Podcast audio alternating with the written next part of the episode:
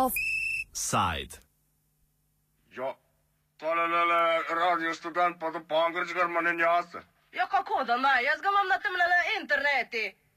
Jošk, už prežgal in to prežgem.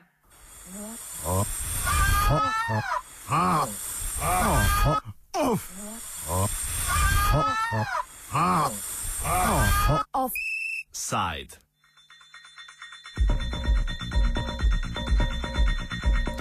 V včerajšnjem AFU smo poročali o konfiskaciji prostorov Tržaškega socialnega centra Etnoblok. Danes se je na sodišču začela obravnava pritožbe uporabnikov, končni rezultati pa bodo znani šele v ponedeljek. O aktualnih problemih, s katerimi se sooča edini lokal, ki podpira alternativno kulturo v Trstu, smo se pogovarjali s Silvijo Palaver, članico sveta zavoda Etnoblok in odgovorno osebo za izvedbo socialnih in skupnostnih projektov zavoda.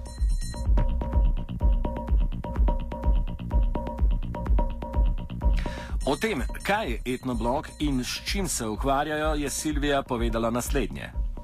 Etnoblog is a cultural association based in Trieste. We are we started in 2004, and since that year we have been doing a lot of different projects um, on harm reduction, on intercultural understanding, on uh, immigration, and on arts and culture. Uh, our aim is to give space to uh, people, to young people who don't have the the opportunity to have other places to express themselves themselves. So we try to give space to alternative cultures, if we can call them like this. So to to give actually the, the opportunity to people, to young people, to to have a place for, for them to, to do like events, to do art, exhi- art exhibition, to to put up I don't know a theater piece. That's what what we do, and um, to do all these activities uh, since 2004, uh, we hired and we um, we we we open a place, a club, a venue, and uh, where we were doing when where we have been doing all our activities, also like uh, evening events, like concerts and DJ sets and so on, and some clubbing too. Zakaj je prišlo do konfiskacije etnobloga? Yes, um, I need to to to start a bit uh, earlier because uh, in the last few months we have been uh, we have been uh, as you as you say we we had a kind of a campaign, a smear campaign against us uh, from the local newspaper uh, because Etnoblog is in a place, our venue is in a place that is, is a bit outside the city, so in, is a bit in the neighborhood.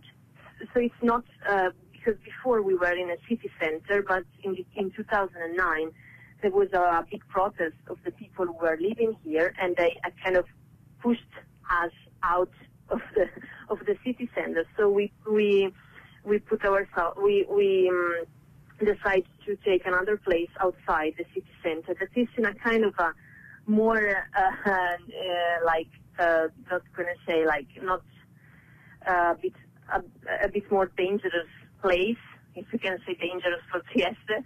And uh, so there were some episodes not related to the club, but outside this place uh, and that was uh, seen from the public opinion, like that we were uh, the guilt of everything, that everything was related to Etnoblog.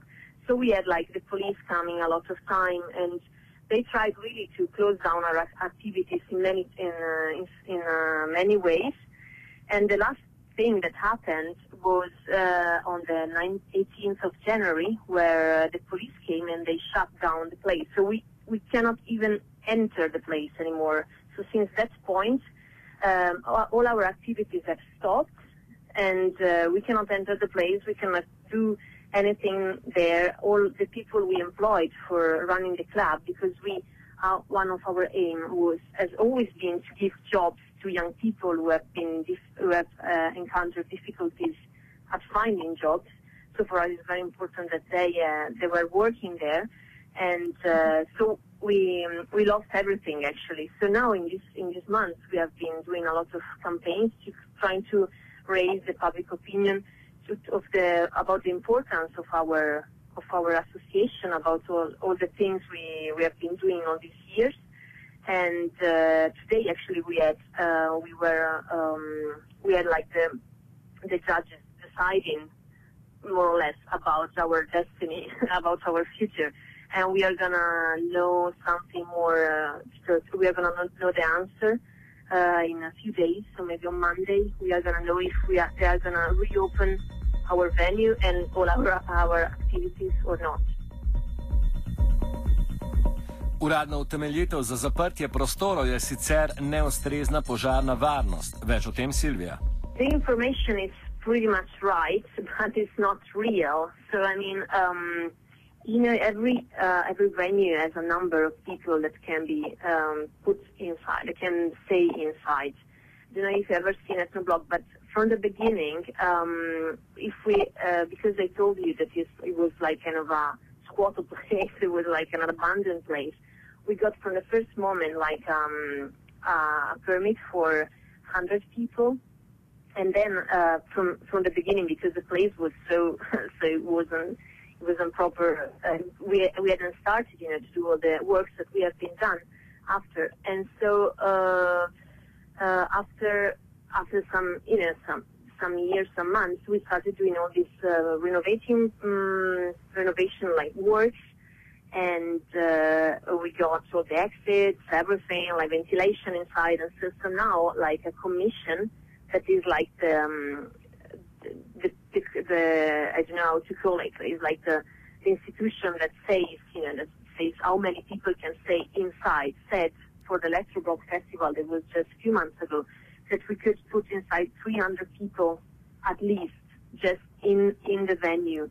So um, we were based on this uh, permit, but it, that was temporary. It was a temporary uh, permit, not a permanent one, because the permanent one needs a lot of time to be approved by all the uh, institutions they have power in in our in our area, because the, uh, where Etnoblog is set is is is like um harbor area. So there are a lot of different uh, kind of institutions who have, have something to say, you know, about everything you do there. So I don't know, I see in Slovenia is like this, but in Italy, bureaucracy is like a very old machine, like a dinosaur. So we are like, we, um, we, we kept on doing things because we knew that from the commission that was not a real safe problem. Etnoblog daje zaposlitev tudi številnim mladim. O tem, koliko ljudi je delalo v etnoblogu na redni bazi, naslednje. Regularly, there work, uh, uh, around 20 young people are working there, and uh, uh, part of this there is like there are a lot of other young people who are working in the place not on a regular basis, but for example, everything that happens there so all the all the events and uh, DJ set concerts, and so they are organized. We can say from really from from the the young people. The young people they come to us and they say we want we would like to uh, do this kind of music. We would like to call this kind of artists, and we organize everything with them uh, for for to make this thing happen, to make their their dream come true. If if I can say this a bit dramatically, so there are a lot of a lot of people, uh, young people who are have not a place anymore where to, you know, express themselves, and they they could even earn some money, you know, because if um, the the event was going was going good, we we never kept you know the money for ourselves, but we we invested in other artists, in other in other um, events. So it was a kind of a a good. Um, a good uh, way of, you know, uh, uh, also sustaining our activities and also all, all the other activities, that we are doing, like uh, we have a, a, project against human trafficking, we have got a project against forced begging that we are um, doing with uh, all the institutions of the city and not just the city. We had a project with Drogart uh, based in Ljubljana about harm reduction funded by the European Commission and, um, you know, like every project needs co-financing and our co-financing was really, uh, was coming from our activities, from our activities in the venue.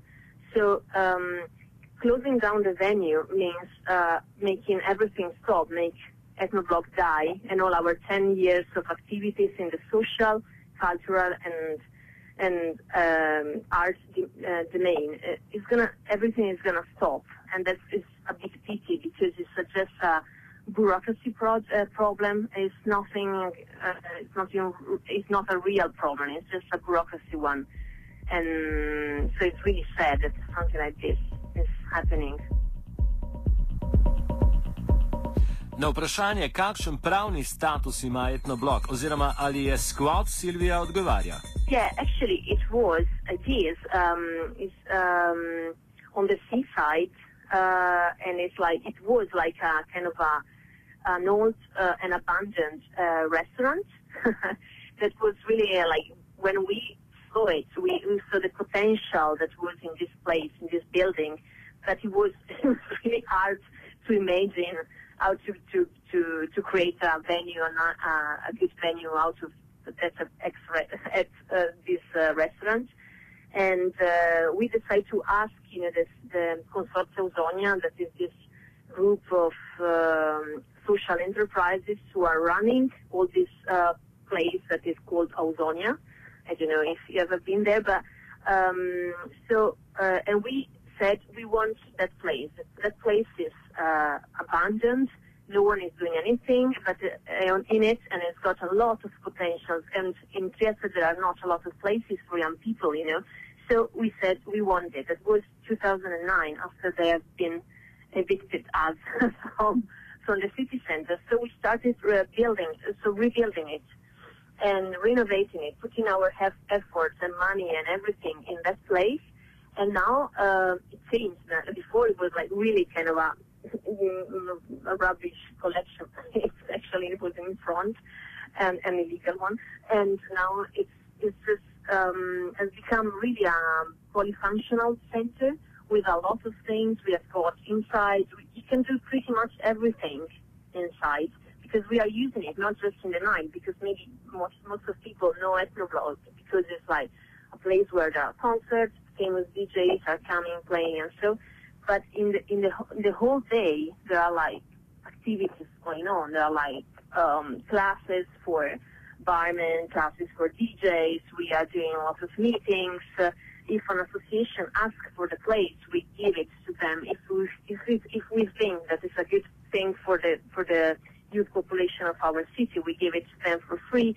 So it's, it's really a place that is like um, that is owned by this by, by the whole city. It's not just ours, you know, and and that was seen by all the signatures that we got, all the supports we got from all over Italy and from uh, all over actually Europe too. So um, it's really sad to see how they put it in a, such a bad light. Glede na to, da bo v ponedeljek sprejeta dokončna odločitev o sodi etnobloga oziroma njegovem morebitnem zaprtju, smo Silvijo vprašali, kakšni so načrti tamkajšnjih ustvarjalcev, če pride do najbolj črnega scenarija. Our plan for the future are uh, none, actually, because we won't have any kind of possibility, you know, to um, sustain anything.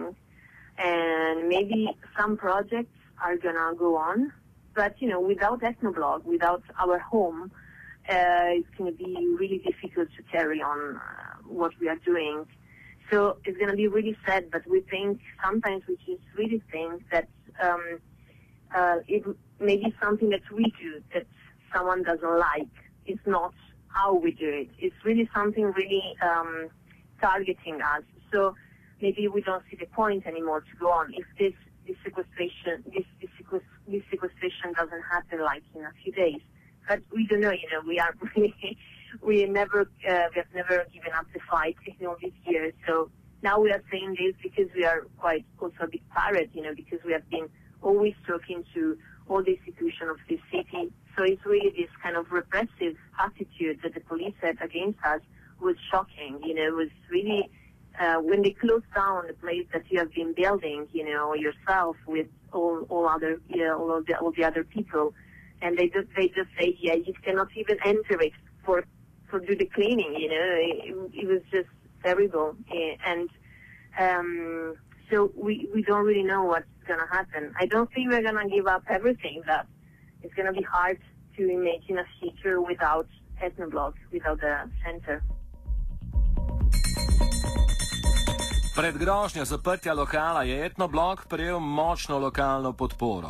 Silvijo smo zato vprašali, katere lokalne skupine in institucije podpirajo njihov boj za obstanek. So we were uh, really by all the support we got uh, from individuals, you know, from people, from members of our, of our association, but also from other organizations, other NGOs working with us, and even not working with us, that uh, could see, you know, the uh, the mad the mad thing uh, behind all this this kind of sequ- sequestration. So they um, we had we had like some of the uh, all the other youth organization in in Dresden that formally even supported us, you know, with uh, with statements uh, on web and so.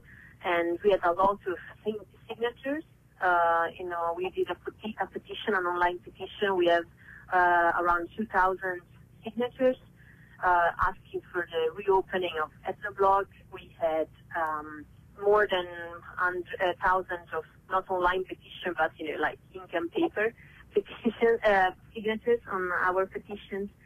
And then uh, we got some letters. We got like around 30 letters of support from our international partners all around Europe. Um, so um, there was a kind of a you know like a signal of of a hard like I mean a strong strong support from our community and not just our community, and um, and also like the institution of our town they they know they they know us you know they know uh, the efforts we put in this project uh, and they know who we are and what we do. So we got support from actually were um, a lot of different also also from a lot of different institutions and then uh, about you know also the economical crisis that we crisis that we are living everyone here you know shutting down a place that gives job to young people uh, um, is is just terrible you know it doesn't make any sense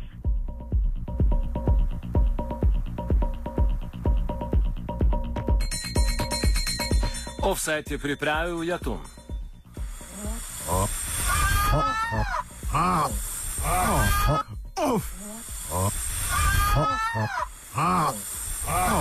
Offside.